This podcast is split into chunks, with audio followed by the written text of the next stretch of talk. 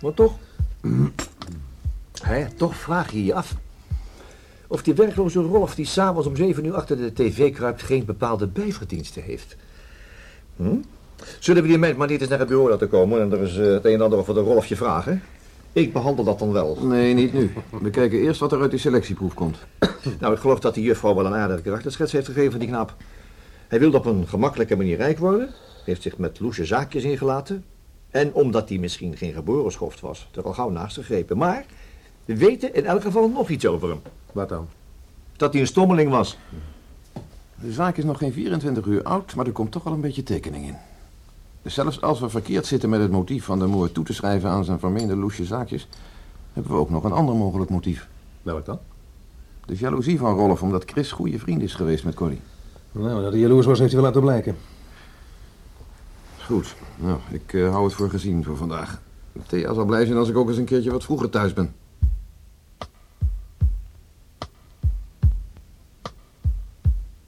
Was de kat getuige?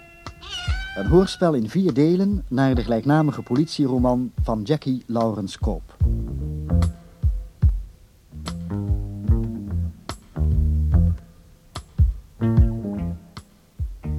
Derde deel. Doodspoor.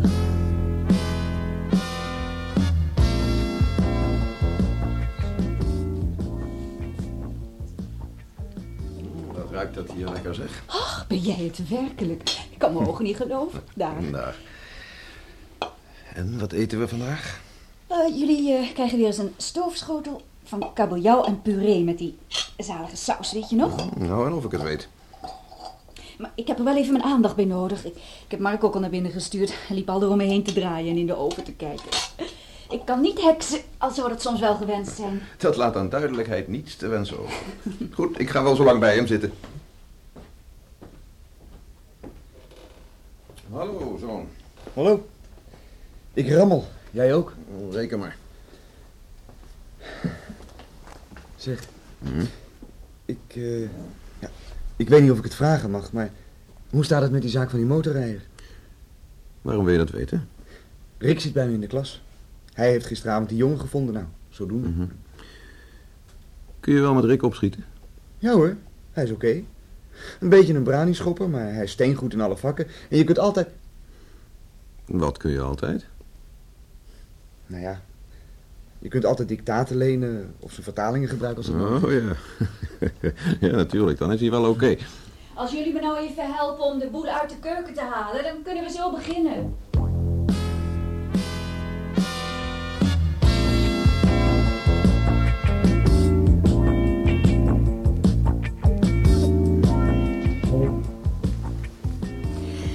En heeft het de heren gesmaakt? Voortreffelijk hoor. Uitstekend. Nou, nog even gezellig natafelen met een sigaretje.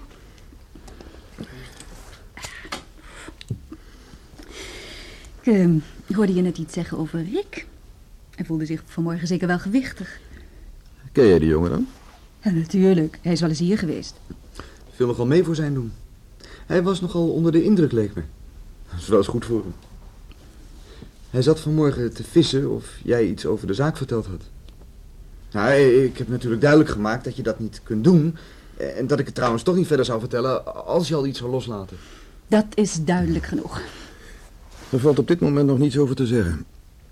We zijn wel wat te weten gekomen over het slachtoffer, maar niets over de dader. Wat dat betreft raad ik je vrienden aan de krant te lezen.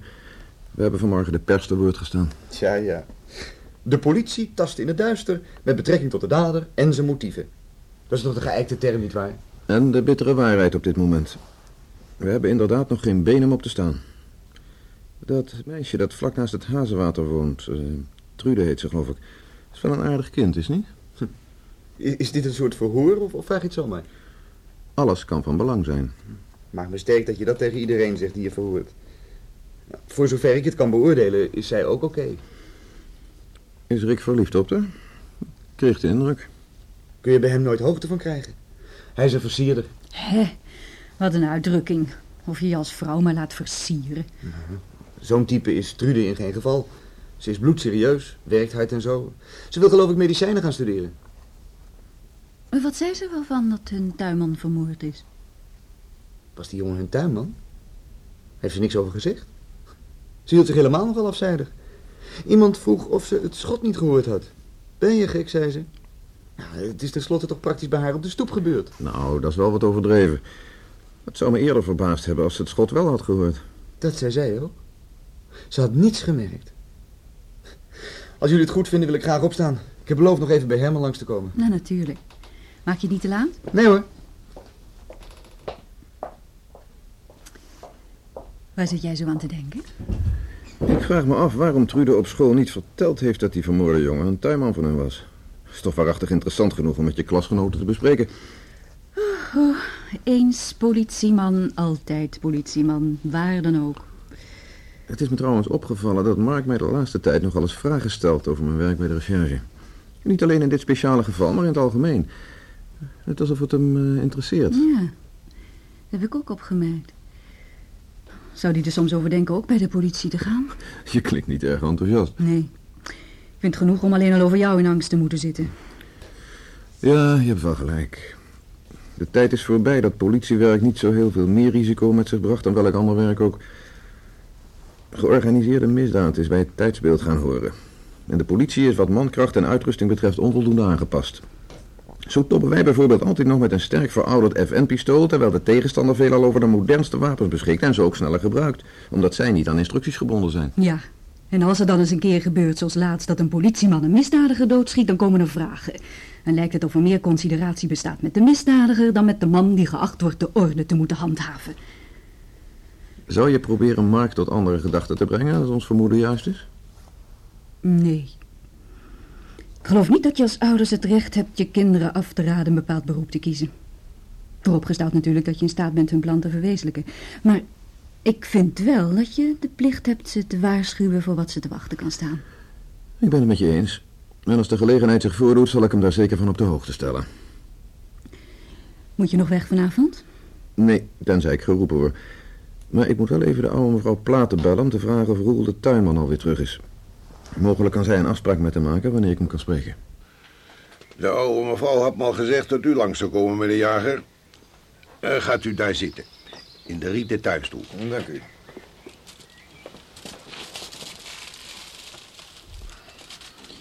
Ik stoor u toch niet in uw werkzaamheden? Wel nee, ik ben die snoeischaar even aan het opknappen, maar dat is zo gebeurd. U zit hier zeker vaak?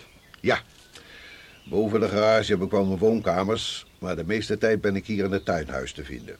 Och, ik heb hier van alles om me heen. Een gereedschap voor de tuin en voor andere zaken. Ja, gereedschap is belangrijk, meneer. Je moet het goed onderhouden. Die jonge jongens zijn er allemaal veel te slordig mee. Ze laten het liggen zodat het uit hun handen valt, of ze donderen het in een hoek en klaar zijn ze. Ik heb Chris nooit kunnen leren zijn materiaal behoorlijk te verzorgen. Afijn. Nou hoef ik hem niks meer te leren. Het is droevig, meneer. En je loopt maar steeds te praktiseren. Waarover? Nou, ik veronderstel over hetzelfde als u. Of hebt u de zaak soms al opgelost? Nee, nee, nee. Daarom kom ik eens een praatje met u maken. Wat was Chris voor een jongen? Nou, eh, niet ongeschikt in zijn soort. Als je ervan uitgaat dat het soort deugt, meneer. Ja, ja. Jij kon verdomd eigenwijs zijn. Toen ik hem tegen het voorjaar leerde hoe hij de rozen moest snoeien, vaasvormig, wilde hij het natuurlijk beter weten. En had er bijna alle rozen verpest. Ja, dat gaat je door je ziel als je hard voor je werk hebt.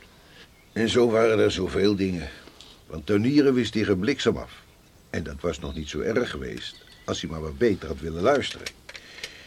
Ik heb me wel eens afgevraagd waarom hij deze baan heeft aangenomen. Misschien wilde hij liever wat om handen hebben dan werkeloos lopen. Ja, dat valt natuurlijk te waarderen. Maar de laatste tijd gooide er wel bar met de pet naar als je hem niet in de gaten hield. Toen hij hier pas was, deed hij zijn best nog. Maar de laatste tijd geloofde hij het allemaal wel. Hoe lang al? Nou, eh, een maand of twee, drie. Hij was dus eigenlijk niet geschikt voor dit soort werk. Nee, nee. Voor een tuin moet je hard hebben. En dan gaat het werk vanzelf. Maar hij kon het niet opbrengen zijn handen stevig uit de mouwen te steken. En hij was gezond en sterk genoeg. Ze zijn tegenwoordig te veel voor wempen, neer. Vroeger moest je werken om niet te verrekken van de honger. Maar tegenwoordig hebben ze toch wel te vreten. Ja, het was in mijn jonge jaren anders, dat kan ik u verzekeren. Enfin, dat hebt u ook niet meegemaakt. U loopt zo'n kwart even korter mee dan ik. U hebt waarschijnlijk heel wat met Chris gepraat. Ja, ja, praten kon eerst de beste. En ik moet zeggen dat hij een goed humeur had. Maar soms, soms kon hij behoorlijk kankeren. Altijd op mensen met veel geld. Die scheen hem allemachtig hoog te zitten. De familie Hoogvlieger bijvoorbeeld. Ja, reken maar. En dan zei ik dat hij zich moest schamen. Want dat meneer hem behoorlijk betaalde. Ja, dat moest er dan bij komen dat hij dat niet deed, zei hij dan. Ja, en dan kon hij zo'n verdomd onaangename grijns op zijn gezicht hebben dat ik dacht... Je hebt ze toch op een of andere manier vies achter de ellebogen, vind je? Ik zeg tegen hem... Meneer werkt er hard genoeg voor. Jij toch zeker ook, zegt hij. En wat heb jij nou helemaal? En toen zei ik... Ik heb één verdomd goed ding, jongen. Ik ben tevreden. Als jullie dat op je leeftijd ook eens konden zijn met het beste leven dat jullie tegenwoordig hebben, dan zouden jullie het nog beter hebben. Ja, dan vertelde ik hem hoe dat vroeger ging. Ja, ja. Was hij sociaal bewogen? Nou, dat betwijfel ik. Alleen maar voor zover het hemzelf en zijn naaste omgeving betrof. Hij heeft anders op de avond van zijn dood lopen collecteren. Ja, ja, daar had de oude van Plaat hem toe overgehaald. Vroeger deed ze dat soort werk veel zelf. Maar ja, dat kan ze niet meer. Hij wilde het wel doen. Ik geloof omdat hij er een goede manier in zag een soort show weg te geven. Ja, zo noemen ze dat tegenwoordig toch? Hoe komt het dat de oude mevrouw mank is? Nou, dat heeft ze al vanaf de geboorte. Toen ze jong was, had ze er niet zoveel last van. Maar met de jaren is het er niet beter op geworden. Heeft ze altijd bij haar schoonzoon en haar dochter ingewoond? Nou, je kan beter zeggen dat die bij haar in wonen. Dit huis is haar eigendom. Ze zijn me erin getrokken toen ze trouwden. Ja, hij had toen nog niet het geld dat hij nou heeft. Ja, hij is een best mens, de oude mevrouw. Ze komt elke dag naar de tuin kijken. Ze heeft een grote liefde voor de natuur. Haar schoonzoon drinkt nogal veel, denk me. Is dat zijn gewoonte? Eh, te veel. Ik zou zelf ook van een glas op zijn tijd, maar meneer is een gewoonte drinker. Grijpt naar de fles zoals de ander ademhaalt, om zo te zeggen. Hij heeft er zelf amper erg in. En wat zegt zijn vrouw daarvan? Ja, dat weet ik niet. Ik weet niet precies hoe die verhoudingen zijn. Maar het lijkt me wel een goed huwelijk. Die jonge mevrouw is van het opgewekte soort. Maar ik geloof niet dat ze zich veel met het huishouden en zo bemoeit. Dat doet de moeder. Die deelt hier de lakens uit. Wist u dat Chris een pistool had? Ja. Hij stond dat ding een paar weken geleden te bekijken toen ik onverwacht binnenkwam. Nou, ik moet u zeggen dat ik ervan schrok. Ik vroeg hem, wat moet je daarmee? Je mag zoiets helemaal niet in je bezit hebben. Ja, maar hij lachte me vierkant in mijn gezicht uit. Ja, niet, niet hatelijk of zo. Nee, eh, gewoon eh, vrolijk. Gaf hij er een verklaring voor? Omdat hij wapens mooi vond, zei hij. En omdat meneer er ook een verzameling had. En waarom meneer wel en hij niet? Vond u het niet verdacht? Ja, zeker. Ik was er niet helemaal gerust op. Meneer heeft een antieke verzameling. En dit was een gloednieuw ding zo te zien. Ja, eerlijk gezegd begon ik de jongen ineens met andere ogen te bekijken. Vertrouwde u hem niet meer? Nee, meneer. Het leek me best mogelijk dat die jongen achtergronden had die we hier helemaal niet kenden. Ik heb er meteen met de oude mevrouw over gesproken voor ik met vakantie naar mijn zuster in Heerlen ging. En die heeft me beloofd dat ze met hem over zou spreken. Wanneer was dat? Nou, veertien dagen geleden. Vlak voor ik wegging. En toen ik vandaag terugkwam, toen hoorde ik wat er gebeurd was. Tja, eigenlijk was ik niet eens zo verbaasd. Waarom niet? Nou, kijk nou eens hier. Jonge jongens die met vuurwapens in hun zak lopen... houden zich bezig met dingen die niet door de beugel kunnen. En dit zijn dan op een gegeven moment de gevolgen waar of niet? Tja, misschien hebt u wel gelijk. Tja, en toch leek het me best een aardige jongen. U hebt geen idee waar hij zich mee bezig gehouden kan hebben? Nee, meneer. Dat kan immers van alles zijn. Hij kan wel niet van de jeugdbende zijn geweest, beroving en diefstal. Ja, hij had meer geld dan hij hier verdiende. En toen ik dat ontdekt had van dat wapen... toen wist ik wel zeker dat er iets niet in de haak was. Wat dacht u dan eerst? Nou, dat hij van zijn grootouders geërfd had. Die jongens deinzen er niet voor terug alles erdoor te jagen... waar oude mensen hun leven lang voor gespaard hebben. Weet u ook of hij vijanden had? Mensen die zonder vergunning met schiettuig op hun zak lopen... zullen best wel vijanden hebben. Dat is nou eenmaal het soort, meneer. Tja. Nou, bedankt voor uw inlichtingen. Misschien kom ik nog wel eens een praatje met u maken. Ja, u doet me, meneer. Goedenavond, meneer.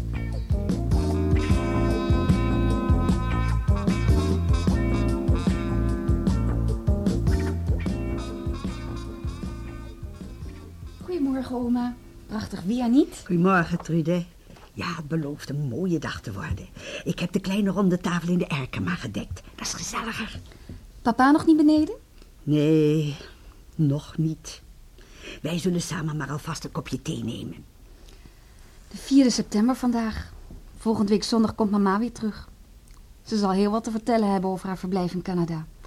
Dat jaagt wat frisse wind door de examenspanningen. Oh, ik heb niet de indruk dat jij je daar al te zeer door laat beïnvloeden. Oh, ik werk behoorlijk en meer kan ik niet doen.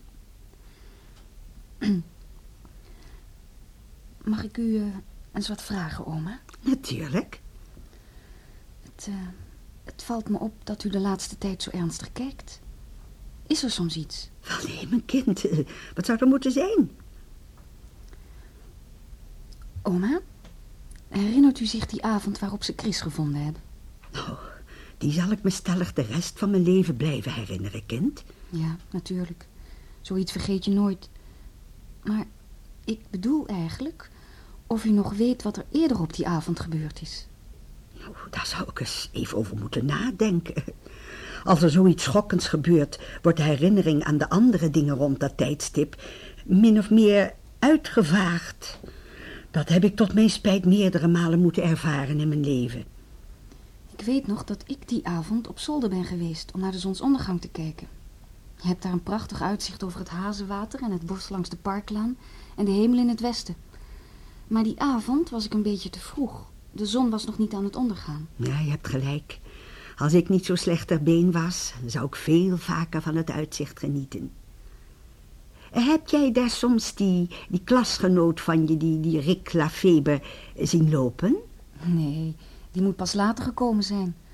Het begon al donker te worden toen hij hier kwam binnenhollen om de politie te bellen. Wat wil je hier eigenlijk mee zeggen? Ik vraag me af, oma. U ging even voor achter uw avondwandelingetje maken. Dat bent u me nog komen vertellen omdat u een telefoontje van uw kapster verwachtte. En u vroeg mij of ik dat wilde aannemen, want Annie was er niet die avond. Ja, ja, nu herinner ik het me weer. Oh, ik zou er nooit meer aan gedacht hebben. Eh, Maar wat bedoel je eigenlijk?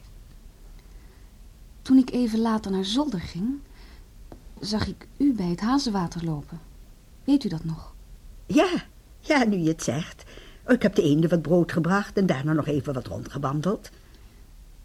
Vindt u het eigenlijk niet vreemd dat u Chris niet hebt zien liggen? Toen ik u zag, liep u vlak bij de plek waar hij gevonden is. Ja, ja, je hebt gelijk. Ik ben daar vlakbij geweest, maar ik heb niets gezien. Nou, je moet niet vergeten dat ik er bepaald niet op verdacht was dat daar een dode zou liggen. Ik, ik heb niet zo goed omheen gekeken en het gras daar is erg hoog. Maar zijn motor was toch wel erg opvallend. Welnu, ik heb hem niet gezien, kindlief. Gelukkig niet. Kom, laten we gaan ontbijten. Je vader komt voorlopig nog niet naar beneden, schijnt het. Heb jij nog plannen voor de ochtend?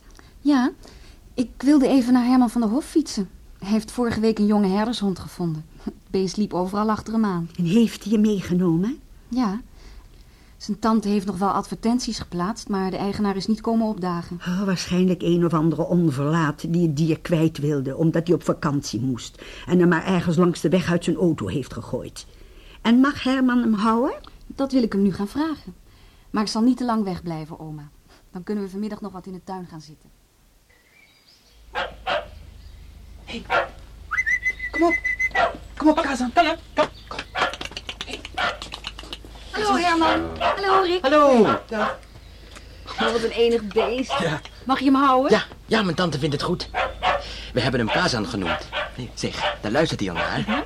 Kom eens hier, Kazan. Kom eens. Kom eens. Kom. Goed zo. Geeft u dus netjes een poot. Eh, eh, netjes. Goed, mooi zo. Dag Kazan. Je bent een brave hond. Maar ik ga eerst even naar binnen je tante begroeten, Herman. Ik weet dat ze daar erg op gesteld is. Tot zo. Tot zo. Dag. Dat is een aardige meid. Tja, Zeg, eh, Ben je nog steeds weg van de... Ach, nee. Het was meer het avontuurtje dat me trok. Maar ik moet er niet aan denken hoe het af had kunnen lopen die avond. Als de politie dat briefje op je had gevonden, dan was je niet jarig geweest. Nee, jij ook niet. Ze waren er natuurlijk achter gekomen dat jij het vervalst had. Nee, we hadden allebei mooi in de puree gezeten. Die inspecteur had ons een heleboel lastige vragen gesteld, geloof dat maar. Hm, Man, dat briefje brandde in mijn zak toen ik voor hem stond. Het is maar goed dat je thuis verscheurd hebt. Kom dicht, daar komt ze weer aan. Zo. Kom erbij zitten, Trude. Gezellig dat je er bent. Is er nog nieuws? Waarover? Nou, over die moord van jullie. De recherche is langzamerhand bij ons kind aan huis. De vader van Mark is al tweemaal geweest. En dan ook nog een rechercheur Schouten die onze verklaring heeft opgenomen. Maar ze laten natuurlijk niets los. Nee, dat ligt niet. Maar vandaag of morgen toveren ze de moordenaar als een haas uit de hoge hoed. Let op mijn woorden. Nee, die vader van Mark is steen goed, joh. Het is net of die vent dwars door je heen kijkt. Ah, hij heeft een team van medewerkers die allemaal steengoed zijn. Is je nooit iets bijzonders aan die Chris Bergman opgevallen? Dat die vent die schijnt zwaar achter zijn ellebogen gehad hebben als je de krant moet geloven. Heb je hem nooit met een of ander luguber type zien staan praten? Nee, dat niet. Maar achteraf ben ik toch iets gaan bedenken dat ik een beetje vreemd vind. Wat dan? Herinner jij je nog hoe laat je zijn lijk ontdekt hebt, Rick? Nou, hoe laat ging bij jou vandaan? Eh, drie minuten voor half negen. Oh. Ja, ik was blij dat je oproepelde, want ik had nog een massa te doen. En eh, ik heb toen op mijn horloge gekeken. Bedankt voor je openhartigheid. Nou, ik ben toen heel recht naar het Hazenwater gefietst via het bospad. Het zal me een minuut of zes, zeven gekost hebben om bij die poel te komen. En daar heb ik toen een tijdje naar de zonsondergang staan kijken. Misschien een minuut of vijf. Ja, wat is er allemachtig mooi. Ja, dat weet ik. Nou, toen zag ik ineens in de verte die motor staan glanzen, bij de bosrand. Ik wist toen natuurlijk nog niet dat het een motor was, anders was ik misschien niet eens gaan kijken. Dan kunnen er altijd een paar in de bosjes liggen vrij, wat gaat mij dat aan? ja, toch? Maar juist omdat ik niet wist wat het was, ben ik er natuurlijk op afgegaan. En toen heb ik er ook nog even staan rondkijken voordat ik het lijk ontdekte. En dat zal omstreeks eh, kwart voor negen zijn geweest. Hoezo? Ben je daarna meteen naar ons toegekomen? Ja, licht. Ik had weinig zin daar de dodenwacht te gaan houden. De zon was toen onder, is het niet? Oh ja, lang en breed. Heb je verder helemaal niemand gezien? Oh ja, ja, een paar honderd eenden, zwanen en ganzen, maar die wilden naar bed toe. Ik heb mijn grootmoeder kort naar achter daar in de buurt zien wandelen. Vanuit onze zolderramen kun je over het hele hazenwater en de bosrand heen kijken. Viel die motor erg op? Eh, nou, net als een carrousel in de Sint-Pieter zou ik zeggen, hoezo? Wou je beweren dat je grootmoeder Chris Bergman neergeknald heeft? Nee, natuurlijk niet. Toen jij hem vond was hij al 24 uur dood. Dat heeft zelf in de krant gestaan. Je bedoelt dat je je afvraagt hoe het komt dat je grootmoeder hem niet heeft zien liggen als ze daar vlak in de buurt is geweest. Ze, ze moet toch minstens zijn, zijn motor hebben zien staan. Hm, Precies. En heb je haar daarna gevraagd? Ja, vanmorgen. Waarom vanmorgen pas? Weet ik niet. Eerst heb ik er helemaal niet meer aan gedacht dat ik haar had zien lopen. En toen ik het me herinnerde, leek het helemaal niet zo belangrijk. Maar bij nader inzien Wat heeft ze gezegd? dat ze niets gezien heeft. Geen Chris en geen motor. Hé, ja, dat is op zijn zachtst gezegd raadselachtig. Om nog maar niet te zeggen krankzinnig. Ik ken daar de situatie. Ze moet die motor gezien hebben, als die er tenminste op dat moment stond. Het zou natuurlijk best kunnen dat hij helemaal niet op die plek is neergeschoten, maar dat pas later is neergelegd. In de tijd tussen dat wandelingetje van Trudes grootmoeder en het moment dat jij daar met een mooie zomeravond stond te dwiepen. Ja, daarom vroeg ik je juist of jij niemand gezien hebt. Nee, ik heb niemand gezien. In geen velden of wegen. Maar hij heeft er ongeveer een half uur gelegen tussen het moment dat je grootmoeder daar was en ik eraan kwam.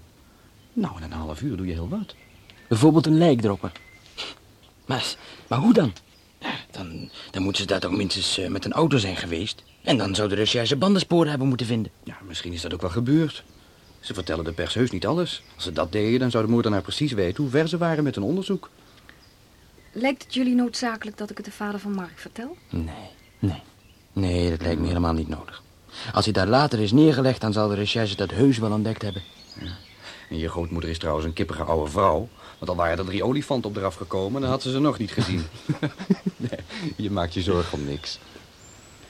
Ik weet het niet. Misschien wel. We hebben die twee jachteigenaren gisteravond hier laten komen en ze geconfronteerd met acht man, hè, waaronder Rolf de Muis. Wie van die kerels hebben jullie met Chris Bergman zien staan praten? Maar nee hoor, geen spoor van herkenning. Het was te ver af geweest, hadden niet goed gekeken enzovoort. Ach, wat. Ze waren toen stom dronken, vergeet het maar. En toch kan ik die Rolf de Muis niet uit mijn hoofd zetten. Die oude tuinman heeft jou dus ook niks bijzonders kunnen vertellen? Eigenlijk niet. Niets wat we zelf ook nog niet wisten. Namelijk dat Chris waarschijnlijk niet gedeugd heeft. En toch kom je overal hetzelfde verhaal tegen.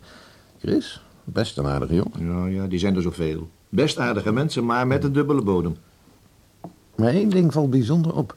Vrijwel iedereen in de omgeving van Chris wist dat hij een pistool bezat.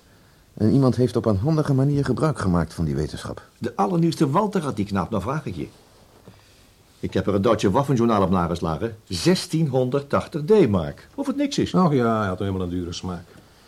Tussen de twee haakjes hebben jullie gehoord dat we binnen afzienbare tijd ons FN-pistool kunnen inleveren? Niet precies me wat je onder afzienbare tijd verstaat. Ik hou het op minstens een jaar of vijf. Ik heb gelezen dat ze voorlopig twee revolvers en drie pistolen gaan beproeven. Want dan nemen ze een beslissing. Een aardige klus, zo'n 30.000 vuurwapens. Oh, dat gaat een mooi sommetje kosten. Dit is agent Blom. Hij heeft iets te rapporteren. Hm. Ga je gang maar, agent. Waar gaat het over? Het houdt verband met die moord bij het Hazelwater, meneer. En zo.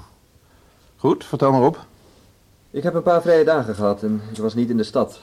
En daardoor komt het dat ik vanmorgen pas van die zaak gehoord heb. Steek maar van wal. Nou, op de avond van de 26 augustus, toen reden mijn kameraad De Lange en ik met een surveillancewagen in de Canariestraat, richting Lijsterweg. En toen we de hoek omkwamen, zagen we dat iemand net zijn auto geparkeerd had en zijn lamp had laten branden. Nou, die man liep het flatgebouw binnen en het was al laat en het leek ons dat hij vergeten had om ze uit te doen. En De Lange stopte en ik ging de hal in om de man te waarschuwen. Juist. En? De man wilde juist in de lift stappen, maar hij draaide zich naar me om toen ik de deur opende. Het was die Chris Bergman. En toen ik vanmorgen de foto's zag, nou toen herkende ik hem meteen. Weet je dat zeker? Absoluut, meneer. Heb je dit voorval gerapporteerd toen je dienst erop zat? Jawel, meneer. Ja, het leek me wel niet erg belangrijk. Ik bedoel, dat iemand zijn autolampen laat branden. Maar ik rapporteer altijd alles wat er onderweg gebeurt. Voor alle zekerheid. Ja, dat is uitstekend. Wat was het voor een auto? Een donkerblauwe Simca. Ik heb het nummer genoteerd. Hier hebt u het, meneer. Eh, 26 augustus. Was het niet de avond van die roofoverval in het bungalowpark? Ja. En de dikker die ze ontvoerd hebben, die Mulder beweert dat het een Simca is geweest. Dat kon hij horen aan de motor. Hm. Hoe laat was het toen je Chris Bergman bij die flat zag? 11.58, meneer. Ja, dat zou kunnen kloppen. Die dikke Mulder heeft om even half twaalf afscheid van zijn liefje genomen...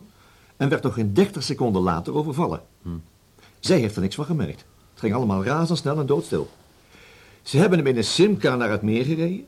Daar hebben ze hem vastgebonden en leeggeschud... en toen zijn ze er als de duivel vandoor gegaan. De vent die die Simca reed kan binnen het half uur bij die flat zijn geweest.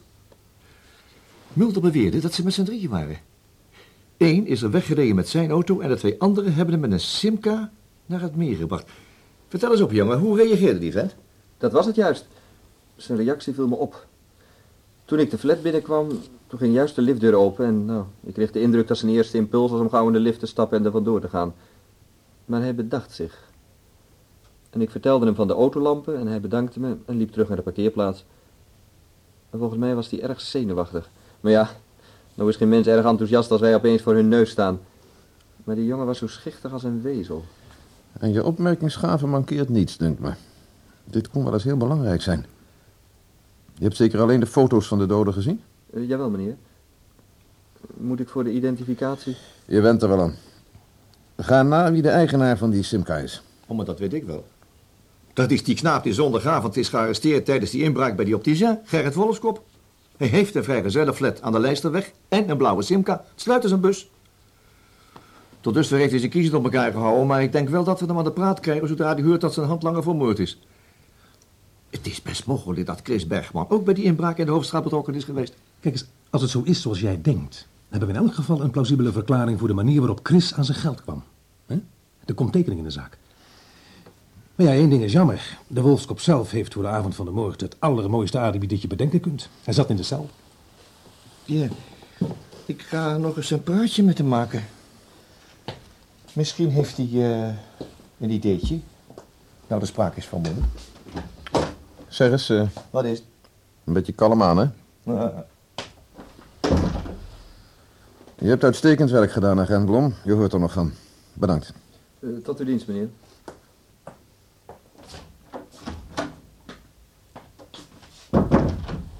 Een pintere knaap. Ja.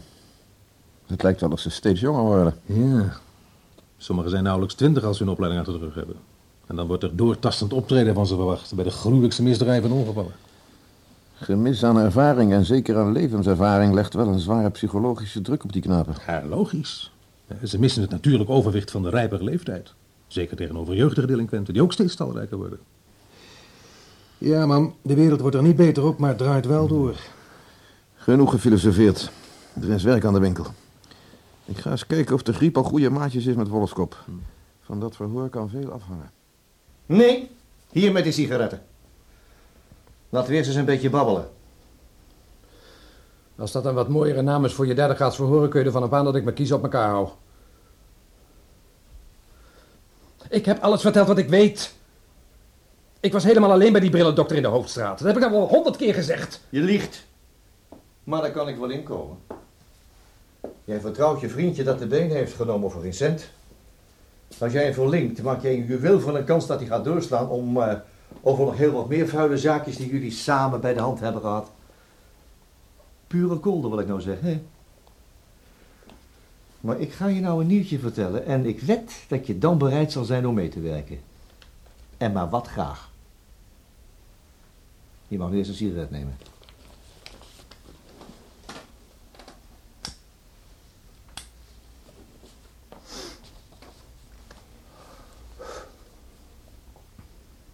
Denk maar niet dat ik nieuwsgierig ben. Ik heb zelfs twee nieuwtjes voor je. Ten eerste, het onderzoek van de oude Simca van jou heeft een paar stel mooie gravenvingerafdrukken opgeleverd die niet van jou zijn. Nogal wie dus? Ik leen mijn wagen wel eens uit. En toevallig weten we van wie het ene stel prints is dat we gevonden hebben. Je liegt. Die zijn van een zekere Chris Bergman. Wel nu? Wat dan nog? Ik ken die knaap. Wat is er op tegen dat ik hem wel eens in mijn auto laat rijden? Alleen dit. Dat jij behalve die inbraak bij die opticien... ook nog die roofoverval op een zeker meneer Mulder in het bungalowpark bij de hand hebt gehad. Op vrijdagavond 26 augustus om precies te zijn. Dat is een verdomde leugen. Heeft die schaapskop soms beweerd? Die schaapskop hoeft helemaal niks te beweren. Jij bent eenvoudig technisch aan die overval gebonden. Omdat de vingerafdrukken van de jongen in mijn auto zitten? Kom nou. Nee. Maar wel omdat meneer Mulder toen jullie hem ontvoerden om uit te schudden... een brief heeft verloren. En die brief hebben we tussen de zitting van jouw wagen teruggevonden. is wel toevallig, hè? Dat bestaat niet. Ik heb mijn auto grondig uitgekampt. Waarom? Ik kan mijn auto nooit uit. Hoogstens een beetje stofzuigen. Past. Maar daar kwam ik eigenlijk helemaal niet over praten. Het is alleen eh, handig dat we dit weten. En dan kom ik zo langzamerhand aan mijn tweede nieuwtje toe. En misschien dat dat je bek openbreekt. U probeert me te intimideren. Ik kwam je eigenlijk vertellen dat die Chris Bergman, dat jonge handlangertje van jou, zich niet meer in het levenslicht verheugt. Niet. Hij is dood.